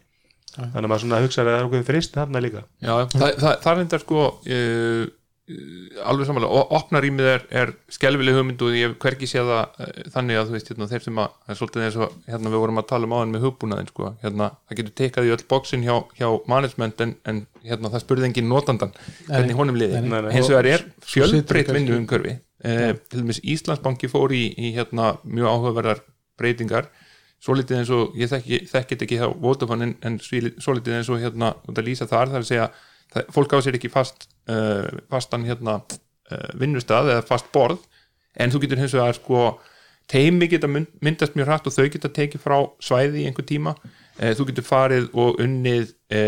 þú veist, í erlinum hjá kaffivílinni, þú getur farið og, og tekið þér borð einhver staðar. Eða þú getur farið inn í, minnum við kallið það hellin eða eitthvað þannig, þar sem þú getur farið í bara algjörlega fókusera vinnu þar sem maður þarf bara að haga sér eins og þú sért á bókasafni sko. Já, já, og það held ég að sé sko ekki ókostur. Að að geta valið sér svo litið kringustöðunum eftir bara í hverju þú ert að vinna þetta, þetta hefur verið sko uh, ferli hjá Eriksson í, í hérna bæði Kaupmannhöfn og Gautaborg þar sem að þetta er svona fjölbreynd og, flestir geta svona valið sér aðstæður sem að þeim líkar bet, best í sko Já. og þú veist, ég, ég persónulega á mun auðveldra með að sitja á kaffihúsi og vinna þar og einbeita mér -hmm. heldur en í opna skrifstofurýminu þar sem að vinnufélagi minn er að tala í síman og hann talar hátt sko. Já, það er svolítið erfitt sko. nákvæmlega en hérna, því ég sagði þetta á þenni að sögu um hérna þetta með persónulegu tengjumar þá hérna, uh, til að láta hann að flakka. Það var hérna, sem þetta er í vann hjá Klikk sem að kifti fyrirtæki sem ég var með hérna síðan, Datamarket þá voru sem sagt, uh, Klikk er uppalega sænst fyrirtæki. Uh, mestall, eða sem sagt þróunateimið var uppalega þar og þar var stærsti, stærsta þróunateimið hafði búið til hugbúnað seint á, á tíunda ára til síðustu aldar sem að hérna var síðan vinsæll. uh, síðan átti að fara í klátvæðingu og þá var hérna ráðið fylgta fólki í Ottawa í Kanada sem að hafði hérna, komið út úr eh, í rauninni klátt fyrirtækjum þar og, og þekkti það mjög vel en þekkti hins vegar ekkert það sem að verið að búa til í Svíþjóð. Og fólki sem hafði búið til hugbúnaðin í Svíþjóð þekkti í rauninni voðalega lítið en á klátið og sagt verkefnið var að fólki sem var ráðið hérna í Ottawa átt að koma þessum hugbúnaði sem það þekkti ekki í klátið sem að fólki sem bjóð til hugbúnaði þekkti ekki. Þannig að þetta var svona, þetta var ákveðið challenge og það var til alveg svakalegt svona hérna við á móti þeim uh, veist, þetta var til 100 manna teimi í Ottawa og 250 manna teimi í, í Lundi og öllum fundist sko hinir vera að fá þetta uh, síðan var bara fórum við í svona skiptinema program það sem það var bara tekið bara tekin fimmann á hópur það var bara flóið með hann í tvær vikur og bara passaði upp á það ekki bara var fólk að vinna saman heldur það var líka sósélur saman það var að hérna fór út að borða saman og einmitt hérna eh, einhverju tilvægum múlið að skemmta sér saman og svo fara með sko. Og smá saman svo svona bráðnaði hérna eh, sambandið á milli þessara tveggja eininga. Og endanum þá var mér að segja gengið svo langt að yfirmaður Ottawa var hérna eh, það var það var maður í, í Lundi í Svíð og settur sem yfirmaður Ottawa skrifstofunar og maður í Ottawa settur sem yfirmaður skrifstofunar í Lundi til þess að, að hérna, svona negla þetta. Og þetta, uh, þetta hérna létti á alveg allskins vandamálum sem voru þarna Já, ég, þetta er mjög- er mjög góð punktur með þetta sko, að, að ef þú stendur rétt að þessu, ef þú nærða að byggja upp teiminn og þú getur alveg gert þar í mótli frá upp að þau sko, en, en, en ég held ég sá algjör saman því að blanda leiðin eitthvað, það, það, að geta unni heima til einhvern veginn, þú veist, þú mætir vinnuna og tútulistunum og þá langar að þú hefur bara ekki efnaði að vera í vinnuna og gera eitthvað meira sko, þá er til að að fara að saksa niður að geta þá bara að sést, mér finnst þú slóð gott sko að vinna heima þessa dag sem að svona, maður þarf virkilega að fókusa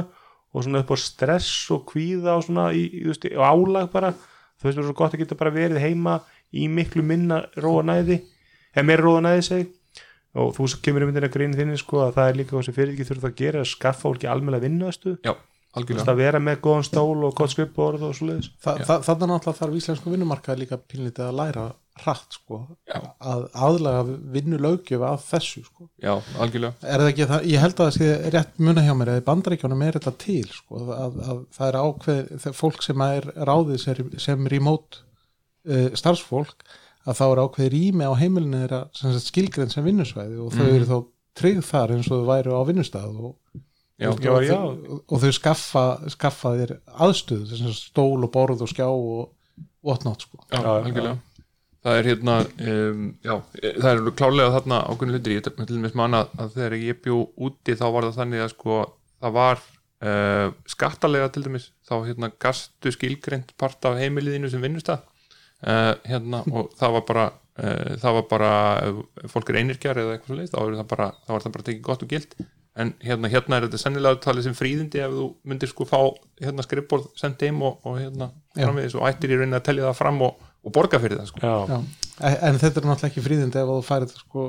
tvo skjá í frábæran stól og skrifborð á skrifstofuninu sko. Nei, nokkulega Nei. En, en, en já, ég vona svolítið að þetta halda áfram og við sjáum svona meira frelsi í þessu og, og ég, held, ég held að margir hafi líka lært það að, að þú veist, mæli hvarðin á því hvort fólk sem vinnir ekki að standa yfir þeim sko, þú græði volítið á því Já. þú veist, þú, þú þarft að finna þér betri mæli hvar hver er fólki með þetta að skila réttum afkostum og ef þú sem yfirmaður veist það ekki, þá þarf, er þú vandabæðilega ekki starfsfólkið sko. Já, algjörlega, það er náttúrulega auðvitað eru sumstörf þannig að það þarf viðveru. En hérna heilt yfir og kannski sérstaklega þekkingar innanum, þá er þetta, þú veist, það snýst þetta náttúrulega bara um útkomu en ekki, ekki viðveru. Og hérna, hún getur verið á, á hérna, á allan mögulegan hátt, þú veist, unnin að heiman eða á eh, einhverjum allt örum tíma heldur en venjulegum skrifstofu tíma eða miklu hraðar eða miklu hægar eða eitthvað svo leiði sko. og svona, ég held kannski við erum, við erum, við erum svona smá saman að detta inn á eitthvað leikilorði í, í þessari umræðu og eitthvað sem er svona bara fjölbreytni. Veist, bara vera opnari fyrir því að gera hlutina ólíkt. Ég til dæmis hérna um, það er oft talað um, þú veist að tala um styttingu vinnuveikunar sem að mér finnst hérna frábært mál. En uh, á móti þá hérna sumum bara finnst þú ekki gaman þeim finnst eiginlega meira gaman það sem er að gera í vinnunni heldur en, heldur en heima. Og þá held ég að það sé ekki, þú veist þá geta bannað en það skilur við, það er hérna það er bara að passa upp á að fólk haldi uh, sönsum og heilbriði og, og svo framvegis. En ef að það skemmtilegast sem þú gerir er að, hérna, leysa úr einhverju vandamáli þá bara vil þannig til að, að það er partur af vinnunni þá ætlum við ekki að fara að banna því það Nei, svo Nei. sé ekki. Nákvæmlega. Svo kannski var þriðji, þriðji hvað, hvað kallar þetta, vingillin hérna, ströymurinn eða hvað? Ströymurinn í, í, í grinni, það var svolítið nýsköpun. Já, og þú ert náttúrulega hefur verið mjög stór í íslensku nýsköpun umhverfið og þú stofnaðir hérna datamarkaðið, en mitt hvernig 2000, Datamarkið stofnað 2008 2008 þannig að þannig að þú búin að vera 12 ár. Varstu í, í sjálfstöðuræksti áður eða? já, já, ég hef aldrei gert neitt annað. En ég segi að Grid sem ég er með núna er fymta fyrirtæki sem ég setja stað. Og Mhm. þetta hefur verið svona hérna eh, jú, ætlaði maður ekki segja þetta er svona smá, smá sem að stækka. Þannig að hérna eh, fyrsta fyrirtæki sem ég stofnaði var stofnað 96 og hérna eh, þegar ég var 20 og já, fyrir utan í raunni ég er tvisvar unnið fyrir þá sem hafa kiptað með fyrirtæki þá hérna hef ég alltaf verið í eigin fyrirtækjum. En svona þetta datamarket var kannski svona já það stærsta fram að, fram að því og stofnaði hann 2008 svo þegar við höfðum eitthvað að selja eh, 2012 þá hérna ákveðum við verum tilbúin til að fara að láta reyna á alþjóðlega markað og þá flutti ég til Boston reyði þar fólki hérna í uh, sölu og markasmál Þú stofnaðir datamarkað skrifstöðu bóstá Já. áður en að þið voru keftir já, búin, eh, við vorum þarna með já, ég flutti út 2012 og fyrirtækið síðan kipt 2014 þannig að það eru tvö ár úti sem undir hatt í datamarkað áður en það var kipt Ég fór um að fyrirstjóra, þá varst að tala um það sem þú lærðir í Boston held ég, og hvað var þar. Mm -hmm. bara hvað, hvað sko Íslendingar eru rauninni lélir í sölu Mm. og byrja alltaf virðingu fyrir sölu og hvað bandrækja menn sko virða þetta treyt mikið og eru ógeðslega góður í því. Já, þetta er hérna uh, þetta er það eru tveir hlutir sem ég held að komi saman allavega hjá íslenskum tæknifyrirtækjum. Í fyrsta leið það eru tæknifyrirtæki oft ekki mjög hérna þau halda, halda oft og þú veit við sem að komum svona tæknimegin aður heiminum höldum ofta þessi nóg að gera góða vöru og hún selja sér bara sjálf. Uh, og þar að þau ekki eru hérna uh, Íslendingar uh, ekki sérstaklega svona þú veist, við, við ölumst ekki upp í einhverju svona söludrifnu umhverfi og, og hérna finnst uh, jafnvel óþægilegt margt sem að verða að gera þar. Og horfum líka á svona ég held að sko ímynd Íslendinga af sölumönnum er svona, veist, þessi stereotypiski bílasölu maður með, þú veist, hérna fullir virðingu fyrir þeim sem í alvörunni starfa sem bílasarar, þá vitum við alveg hvað við meinum þegar við tölum um stereotypuna sko. Þannig að hérna eh, en þegar maður kynni sko eitt af það sem ég lærði þarna flutti út, réði þarna svona já, hvernig reynslu bolta til að vera með mér í þessu ég reyndist síðan í rauninni vera aðal sölumæðurna því að það vildi allir tala við stofnandan og þetta var lítið fyrirtæki og þú veist við þurfum að vinna okkur tröst inn hjá stórum viðskiptavinnum og svoleiðis og það gerðist bara í gegnum mig. En að hafa hann með mér og í rauninni læra bara að þetta er þetta er bara ferli og þetta er bara hérna vinna og, og e, í rauninni sko svona eiginlega vísindi rétt eins og hvað annað. Bara hvernig byggir upp hérna, e, já, hvað segja, hvernig byggir upp hvernig, hvernig byggir upp fyrstu tengst við mögulega viðskiptavinni, hvernig kemst maður að því hverjir þeirra eru líklega til þess að kaupa? Hvernig einbyttum maður kröftunum að réttum uh, tengingum og hvernig dregum maður þar með í rauninni hvert svona lít nær því að verða, verða hérna uh, að, að verða að landa því sem sölu? Það er bara aðferðafræði og vísindi og bara eh, full ástæð til að bera fulla virðingu fyrir, fyrir því sem bara sem starfsgrein. En þetta er einmitt hérna, þetta er ekki það er ekki svona sem að við hugsum þetta hér og kannski ekki úr tækni geiranum heldur. Það er rosa ríkt í tækningarnum bara þessi svona sko sagt hérna anduð á sölun og það ætla að saga segja það sko að Don't Be Evil hjá Google hafi verið sérst þannig að þá hafi verið eitthvað fundarherbyggi og einhverju fórættar í því. Og svo var sölutíðmi að koma inn og þá krótuðu þeirra töfluna Don't Be Evil svona, svona skilabóð til sölutíðmi sig sko og svo fór svo sagði eitthvað flag sko. Þannig að þú veist, og maður hefur heyrt þetta rosalega oft veist að, og mjög margir sem eru kannski mjög tækni þú veist, tækni menn eða fórhættaðisleitt eru mjög erfitt með að hitta kunnan eða runni erfitt með að segja hlutina öðru sér heldur en þeir sjá þá sko. Já, veist, ekki, ekki veist, kasta ljósi á hlutin með einhverju sem að fyrirtækið vill og hann látt með bara sölumennum höfðu hvort þetta selja vöruna eins og þú veist á hún er eða fyrirtækið heldur hún sé sko. Já, algjörlega. Og, og ég hérna, þeim er meiri virðing held ég sem er sko hérna, ef, ef við köllum þetta tvær hliðar sko, þeim er eh, meiri virðing sem er tæknimegin frá fyrir sölu og markasmálunum og þeim er meiri virðing sem er sölu og markasmegin frá á tækninni því að þar vantar alveg sannlega stundum upp á líka. Eh, þeim er líklega er, eh, er þetta til að skila árangri bara vegna þess að, að þegar að þeir sem er að ákveða hvernig pródutið er og síðan útfæra það eh, vita síðan hvernig hérna, hva, hverju fólk er að tefla fram þegar það er verið að selja vöruna og hverju eru kannski sterkustu kostir vörunar umfram samkeppninu og svo framvegis þá fer meiri alúð í þá hluti heldur en ef þú veist ekkert hvaða af öllum þessum fítusum sem er verið útfæra skipti mestu máli. Og eins hinum megin ef að, ef að sölu fólki átta sig á því hvað er erfitt og hvað er auðvelt eða þú veit, hvað er alveg að koma eða hvað er þú veist, hérna langt undan og hvað er jafnvel bara eitthvað sem er meiri átt að tæknilegt breakthrough ef við kæmist ángað versus hérna eitthvað sem er alveg sjálfsæður hlutur þá er bara líklega einhvern veginn að, allir þram í, í sömu áttina. En, en kannski fyrir maður þess að greinin, ég meina, þú hefur þá rekið já, við tökum þá hérna datamarket og núna greið sem er svo stór sem vaksa mjög mikið og, og verður mjög verðmætt og, og, og eftir svona þetta eru, greiti fyrirtæki sem mjög margir vita af út úti, þetta er þú veist, var á 20 manns í vinnu búin að fá talsar fjárfæðstingu, þú veist, hvernig er rekað svona fyrirtæki í Ísland, þeir eru Já, ég var ekki hérna nema að ég sæi einhverja kosti við það. Þú veist, af hverju ætlum við að segja greit Íslands á Íslandi en ekki í Boston? það er út af tengslanetinu mínu. Það er bara eins og ég sagði hann, ég vissi að ég gæti hérna pikkað hérna í öxlina á, á uh, fólki sem að gæti tekist við akkurat þetta verkefni og væri í rauninni þannig líka að það myndi laða að sér aðra góða til að vinna, vinna með. Uh, og þetta var alveg bara, ef ég hefði til mér ætlað að stopna fyrirtæki út í Boston sem ég hugsaði alveg út í líka þá var networkið mitt þar allt öðruvísi og þar er ég líka í samkeppni við hundrað önnur spennandi startup fyrirtæki. Það er alveg samkeppni í því hérna líka en, en hún er ekki, ekki eins grimm. Uh, og hérna uh, já, og ég vissi í rauninni að ég geti kannski nota svolítið svona það að ég þekki marga og margir þekki mig hérna til þess að byggja upp hópin þannig að gritt er hérna út af fólkinu umfram allt annað. Ef það hefði verið síðan eitthvað annað sem hefði sko uh, verið uh, hvað við segja verið eh, frágangsök í umhverfinu þá hefði ég náttúrulega ekki gert það. Þannig að umhverfið hérna er bara, bara frekar gott. Veist, það er alveg hægt að kvart yfir alls konar hlutum. En hérna veist, það var hægt að tala um hluti eins og íslensku krónuna sem gerir það að verkum að það er erfitt að spá fyrir um hérna, kostnaðin allavega í dollurum þegar maður er að fjármagna þar. Og þú veist, við bara maður finna það hérna núna bara mánuð frá mánuð að þú veist, hérna, það hvað maður á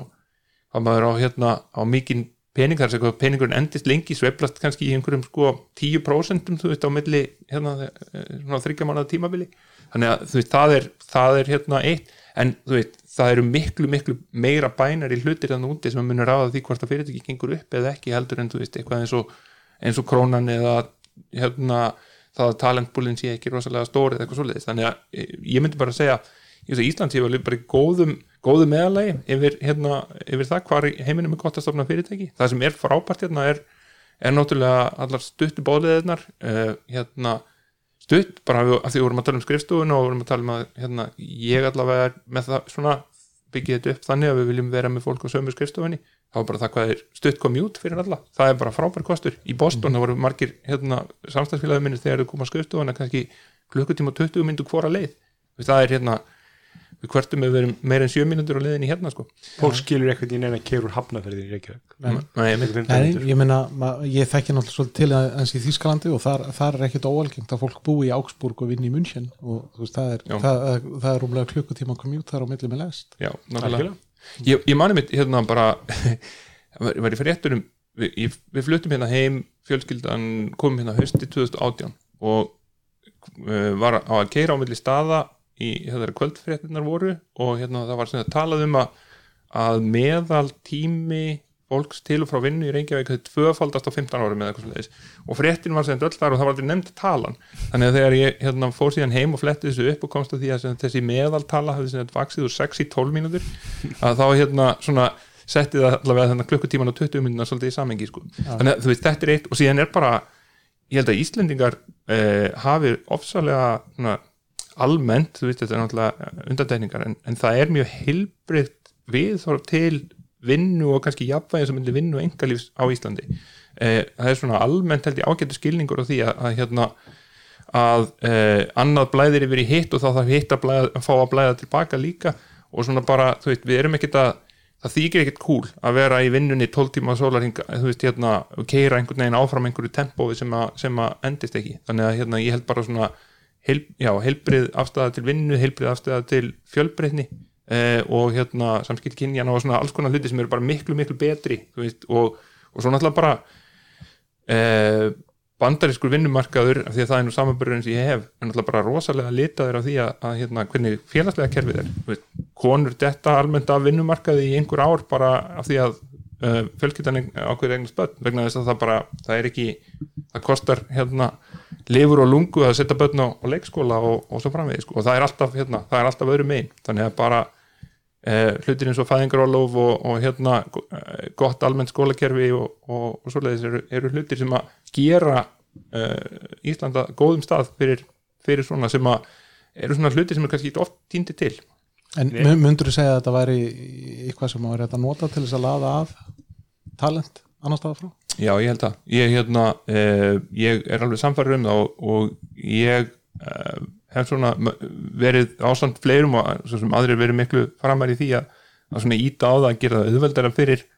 sérfræðinga að flytja kannski ekki síst frá bandaríkunum til Íslands eh, sem er mjög flókið í dag eh, en hérna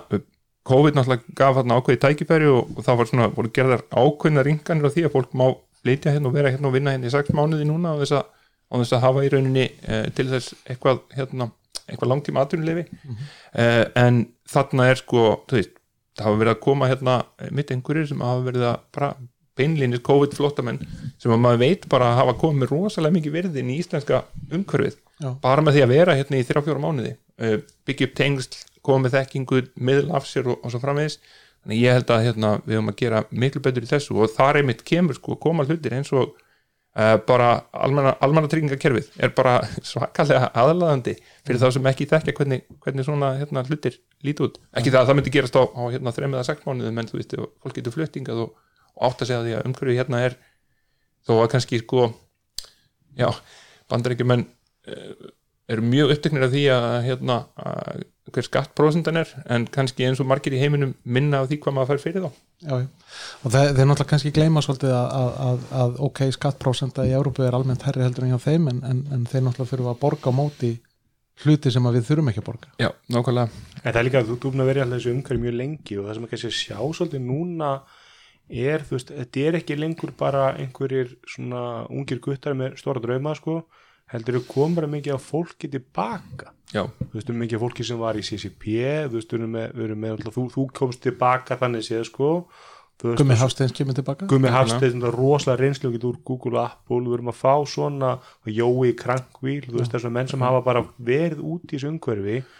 koma heim með þekking, koma með gríl tengstinett náttúrulega og fara strax að gera hluti sem að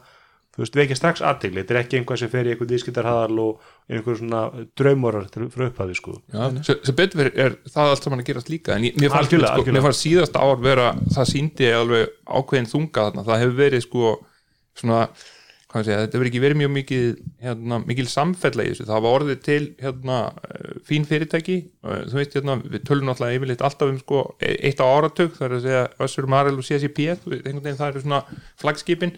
Eh, og síðan eru kannski einhverjir núna þú veist, hérna, Menika er þú veist, einhver staðar kannski á, á hérna, brúnin með það að verða svona fjórða fyrirtæki sem að væri nefnt í þessu samhengi en síðan er núna bara svakalega mikið af fyrirtækjum sem eru búin að fá sko flotta fjármögnun, sum þeir eru komið bísna langt og, og hérna eiga alveg klálega eftir að verða einhverju, önnur eiga alveg klálega ekki eftir að verða einhverju sjálf en verða bara einmitt næsta CSIP sem að kannski sko fer að geta af sér hérna, eða kannski að að ekki upp allavega í, í þeirri mynd sem að flestir á Íslandi þekkja það. Eh, en hins vegar gat af sér sko svakalega þekkingu sem að þú finnur núna í sko mjög mörgum af þeim fyrirtækjum sem hafa verið að gera góða luti síðan þá. Já, að- mörgum myndir sem einhver bjóð til sem sýnir einmitt hvað ós varða að mörgum flottum fyrirtækjum já, sko. já, Já, já, og ég minna að maður sé líka bara í stórum alþjóðlegum fyrirtækjum að þau reynir prófa að búa til ykkur vöru sem kannski flýgur ekki en, en, en, en þekkingi sem verður af, úr því verkefni hún flæðir yfir í mörg önnur verkefni og mörg önnur projekt sem að kannski já. fljúa sko. Þa- það reyndar er eitt sem að hérna, bandarækjumenn eru miklu betri en við það er að, að hérna, viðurkenna uh, verðmættir í mistökum að hérna, þar er sko þar ertu eftirsóknarvert fjárfestingatækifæri ef þú hefur farið í gegnum eitthvað sem hefur feilað uh, ef að það hefur ekki bara beinlins verið út af einhverju hérna, van, van, vangá en svona þetta er vonandi að breytast en, en á Íslandi er þetta eiginlega öfugt sko. hérna, ef, ef þú gerðir eitthvað og það feilaði þá ertu bara feiljur nema á reyna- sett- yðnað maður sko. þá, þá náttúrulega máttu feila eins oft og þú vilt sko, og bara dverlunaði fyrir það sko. Já, það, það, en hvernig er, hvernig er fyrir nú, þú sem eru 20 starfsum hérna grít, er það allir í Íslandi? eða? 25 20, já, er það allir í Íslandi? eða? uh, já, enn sem komið er og Allt. hérna Fólk sem er, hefur verið að ráða fólk að utan sem fluttir í Íslands? Nei, eh, ekki eh, ennþá, það er enginn sem hefur flutt beinlins til að vinna fyrir okkur, við erum með fjóra starfsmenn af elendum uppruna sem að hafa- allir hafa komið hingað uppaflega af öðrum, öðrum ástæðum. Mhm. en hérna, eh, þannig að eh, þetta er svona, þetta er þannilega á íslenskar mæli hverða dálítið alþjóð, alþjóðlegt en hérna en það er alveg sko það, það mun alveg gerast. Eh, við erum að hugsa þetta í rauninni þannig að við erum að, hérna, og ég sagði kjarnahópurinn er settur upp hérna fyrirtækið er rauninni bara hérna, höfustöða fyrirtækið sem eru á Íslandi og, og verða það í fyrirsjáðanlega framtíð og hér liggur uh, hugverkið og, og svo framvegis. Uh, hins vegar þegar kemur að því að, fara að ráða með sölufólk uh, og byggja upp söludeld við erum að byggja upp markasteld á Íslandi þegar kemur að því að byggja upp söludeld uh, þá sölufólk sem er byrjunist að tala við kúnana þá mun það líklega að gera þetta í bandaríkunum og svo getur alveg verið að ef að við þurfum að, að hérna á hugbúnaðarliðinni að, einhverja þróun annar staðar en samt sem að við þannig að allir, allir kjarna arkitekturinn, allir kjarna ákvarðanir og í rauninni allt sko hugverki myndi sitja áfram í þessum hópi. Við erum að byggja í kringum hennan upprunalega hóp og hann er hér. Þannig að þetta, þetta verður í aldrei fyrirsjáanlega framtíð mjög íslensk uh, og íslensk, Íslands fókus er það fyrirtæki. Mjög spennandi. Þetta er virkað spennandi. Hérna, og, og, en kannski fyrir maður að sagða grid, hvað er grid? Já, grid er tól sem að þeir sem að nota töflurekna geta uh, nota til þess að koma frá sér gögnum og á, á hérna fallegan og einfaldan hátt. Uh, þetta kviknar er svolítið út frá því að, að hérna ég uh, er verið í þessum gagna heimitt aldrei lengi og, og hérna áttaði mig á því ekki síst þegar ég kom hérna inn í hjá klikk sem að var í rauninni að búa til svona einn af aðgengilegustu hugbúnum til að vinna með, með gögn í heiminum í svona self-service analytics heimi með Tableau og Power BI fyrir það sem að þekkja, þekkja þær lustnir uh, að þetta voru samt sem áður tól fyrir sérfræðinga veist, það var hérna, það var þeir sem að voru að gera eitthvað í þessum tólum voru fólk sem hafi virkilega lagt sér fram við að læra á þau og, og hérna, lagt mikinn tíma í að, í að komast þangað. Og svo varstu með sko hérna bara hinn almenna skrifstofumann sem var að leysa í rauninni allt og alls konar hluti sem að eiga ekki einu sinni heima þar en, en leysa alls konar hluti í töflureiknum það er cirka miljardur manna í heiminu sem nota töflureikna og hérna ég var um þetta að sjá í dag 30 miljónir manna í heiminu sem að verja meiri hluta af vinnustundum sínum í töflureiknum. Þannig að hérna, þetta er mikið, mikið notað og í rauninni sá hluti af svona infrastruktúr fyrirtækja sem að er kannski minnst manutjörið, það er að segja að það verið að leysa alls konar hluti í töflureiknum. En hérna eh, en það veit engin nákvæmlega hvað er verið að leysa þar hver hefur aðgangaði, hvernig það er bakkað upp eh, hérna, hvernig því var breytt og hver breytti því og hvar upprunni gagnana er og svo framvegis. En maður veit eins og að ef maður tækir töflureiknina út úr fyrirtækinu þá myndi það hérna, ekki funkara daginn eftir. E, þannig að við erum svona svolítið að, að hérna, fókus á þetta fólki sem er sem að leysa bara úr alls konar hlutum e, í töflureiknum og gefa þeim tól að, til að gera meira með, með þá þekkingu, koma gögnunum fram, fram á fallegan hátt gera það einfaldara viðhalda gögnunum og, og hérna halda stjórn á þeim þannig að það sé ekki einhvern veginn orðið hérna Uh, orðin löng. Uh, e-mail keðja með einhverjum hérna, mörgum versjónum af sömu skranni og engin veit hvað er nýjast og, og hvaðan það kom eða hvernig það hangi saman. Þannig að þetta er svona, við erum, við erum í rauninni einfaldalegin til að segja þetta er við erum að, að hérna, gefa töflureikna notundum uh, skikju og gera það á ofurritjum Já, the new face of spreadsheet. Yes. Þetta er áhvert og er, er, er hann komin í sölu þess að þetta er orðað vörið, er það þróun eða? Nei, nú erum við að, um að vinna því að byrja sölu í næsta mánuði og hérna erum svona kannski 2-3 daga frá því að negla niður dagsetningu í því. En hérna við erum búin að vera hins vegar í prófunum núna í rúmt ár. En það er búin að vera, vera sem þetta raunverulegi notendur að nota þetta í, í meirin ár. Það er af opin beta síðan í águst það eru, við erum fengið 6-7.000 mann sem eru svona hafa skráð sig og, og nota þetta og erum með allmörg hundruð mann sem eru að nota þetta í hverju, hverju viku og, og hérna er að fá, uh, fá gott verði út úr þessu. Þannig að við þekkjum orðið hópin bísna vel og svona en höfum ekkert verið að einbytt okkur að, að því að byggja í rauninni dreifinguna neitt upp fyrir en að við teljum okkur bara að skilja hvernig dýnamíkin er og uh, hver sérstæðan er og hvernig við höfum að tala um þetta og hvernig við höfum að selja þetta og, og svo framvegis. Þannig að hérna, það gerist í næsta mánuði og þá uh, erum við í rauninni að, bæði að, að uh, setja í loftið mjög mikið af nýjungum í vörunni en líka að byrja að rukka fyrir þetta í, í fyrsta skipti. Og það verður í rauninni gert með svona frímjum hætti þannig að við erum áfram í rauninni allt sem að ef fólk fer á grid.is og skráir sig núna þá eh, kostar það ekki neitt og allt sem að það hefur aðgangað núna verður áfram frít en hérna, það eru viðbætur sem er að koma sem að verða, verða seldar. Eh, og hérna eh, já og munum kynna það með bombapraktík næsta mánuði eru er, er það brjótandi fréttir í hérna teknarvarpinu ja, það liggur við sko. Við höfum allavega ekki, hérna, ég, eins og þið heyrið þá er ég ekki að nefna dagsetningu en við höfum við höfum ekki ennþá búin að negla þetta alveg og það ekki með viðbyrju hörpunni. Það er ekki nei, það er spurning hvort að hún er svolítið ofnóttu líka fyrir alla viðbyrju sko. já, það er kannski að vera núna på, í, í er, er ekki ríkistöðni með hana bara? Já, stöðut já, on retainer bara. Nei, hérna, allar beta aðgang ég er með beta aðgang já, ég líka. Já, já, já. Mitt. þetta er hérna, þetta hefur verið áhugavert ferðalag sko, hérna, um, við, við vissið alveg frá upphafi að það var rosalega mikið að tækifærum einfallega bara í þessu, þetta er svo stór hópur af fólki og töflareiknar eru notaðir í svo breyða uh, hvað segja, til, til svo margs uh, í heiminum að, að hérna, það var augljóst að það væri einhvers konar tækifæri þetta, síðan hefur þetta svona þróast og þróskast og við hefum fundið betur hvar, hvar tækifærin liggja og höfum ákveðið að byrja og einbytta okkur á þessu þegar einhverju er búin að taka saman gögn eða smíða mótil í töflareikni þarf síðan að kynna það fyrir einhverjum öðrum það er mómentið þar sem að gritt kemur til sögunar það, ég held að ég hafi fyrsta skipti sem ég mun eftir að hafa séð svona published grid skjál, það var held ég Vilhjálmur þegar hann var að vinna með hérna, COVID Já, einmitt, einmitt. Það var hérna frekar vinsalt skjál þar sem að verið að trakka frá degi til dags hvernig, hvernig Já. COVID-tölunar voru að þróast áður í Vilhjálmur Þorstensson í hérna miðind Já, og Já, með já. eigandi þinni kjarnanum eða ekki jú, nákvæmlega já, það, það var það, það var grittskjál, já Já, maður þetta mjög flott það var svona það var, um með þessi, hann var svona, já, hann var með hérna, einu bestu framsendinguna af þessi áður en að síðan sko COVID.is fór sjálft að taka sína tölfræði aðeins lengra sko. Já, Mhm. og það, Sem- hann, hann, hann var fyrstu til að koma með þessa 14 daga rúlandi miðaltal. Já, já, nákvæmlega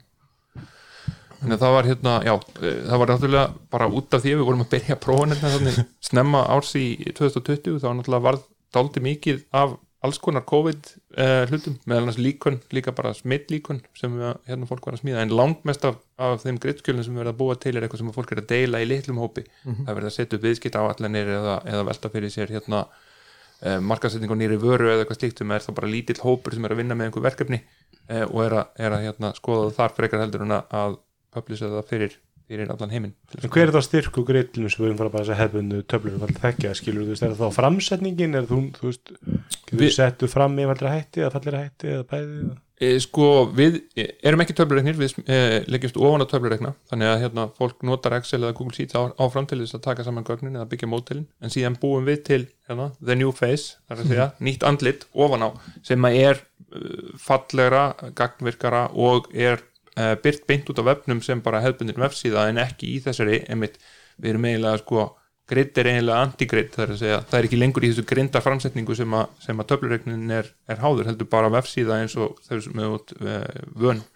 hvaðan sem er að vefnum En þetta er það meira þá svona einstaklingsmiða frekar en eitthvað, þú veist, við erum að tala við, við hérna, ERP-gerðin eins og, þú veist, Power BI eða eitthvað svoleiðis. við erum bara alls ekki, við erum einmitt hérna, forðumst gagnatengingar við allt annað heldur en töflureikna, þetta er fyrir fólki sem að er að nota töflureikna og kemur gögnum þangað og við hjálpum því síðan að koma því, koma því lengra áfram. Uh, og hérna uh, það sem að sérstaðan liggur er við erum með okkar eigin töflureikna vél sem að keirir í Vávra uh, og er bara compatible við, við Excel og hérna kann langflestar eða allar, allar mikilvægu funksjónirnar og, og hérna heldur mótilinu þínu saman. Uh, en hérna uh, en ekki, og það gerir það verkum ef það eru útreikningar í skjálinu, þá getur þú gert á gagverka og sett slætir ofan og gert gögnin lifandi, meðan að sko kannski BI tólin eru eða viðskiptagreinda tólin eru öll um það orðna, það er að segja þá er þetta greina gögn sem er búið að skrá og hérna eru yfirleitt um eitthvað sem gerðist í fortíðinni að hérna framtíðin hún lifir eiginlega, sko, þegar fólk er að velta fyrir framtíðinni, þá er það eiginlega alltaf gert í töflur það er einhver mótel þess að velta fyrir hvað gerist ef að, ef að vöxturinn er svona en, eh, en ekki svona, eða verðið breytist eða hérna, skattarnir breytast eða eitthvað svo leiðis þannig að svona uh, einn af, af hérna, uh, einn af advisorunum okkar sem heitir Dan Bricklin sem að reynda bjóð til fyrsta töflureiknin, vísikalk á sínum tíma hann hérna segir að þetta sé svona þetta er svona frábær what if-er. Sem velta fyrir hvað ef bara frábær logoðar hérna. Það eru komin í hjálmar. Virkilega gaman að fá, þetta nú, nú ertu komin í fyrst skiptið. Já, og, og nú ætlum ég að taka þér orða að þetta verði ekki senast skiptið. Alls ekki. Þegar, þegar ísinu brotin þá er þetta mjög eftirleikur neður auðveldari. Þetta var virkilega skemmtilegt og, og, og við hérna við verðum að, að kynna sér grýt náttúrulega og um að kíkja líka bara á, á gömlu spátnaðina, kannski flott ef einhvern veginn að taka saman hversu sansbar varstu í, en þú verður getið okkur ár, þetta er mjög, skemmtilega greinu maður fylgst aldrei með þessu og lesið þetta ár frá ári. Ég hef mitt þetta búið við það, það verður enginn farið í það útækt ennþá, en ég hef svona ganni gert það sjálfur að kíkta á einhverju gamla spár og Já. hérna uh, sumt hefur verið ágætt en annað hefur verið svona fjara ég, ég, ég, ég ætla að taka fram, ég ætla, ég ætla að hérna, draga fram í fyrstu eða annari tæknisbáni, þá spáði ég því að Nova myndi hægt að kalla sér stærsta skemmtist á Íslandi og það hefur ekki ennþá gengið eftir en hérna, þetta er kannski eitthvað sem á eftir að setja upp í greitt skjál hérna, já, það getur verið sko. Herri, ég sé bara takk fyrir okkur, takk fyrir já, takk fyrir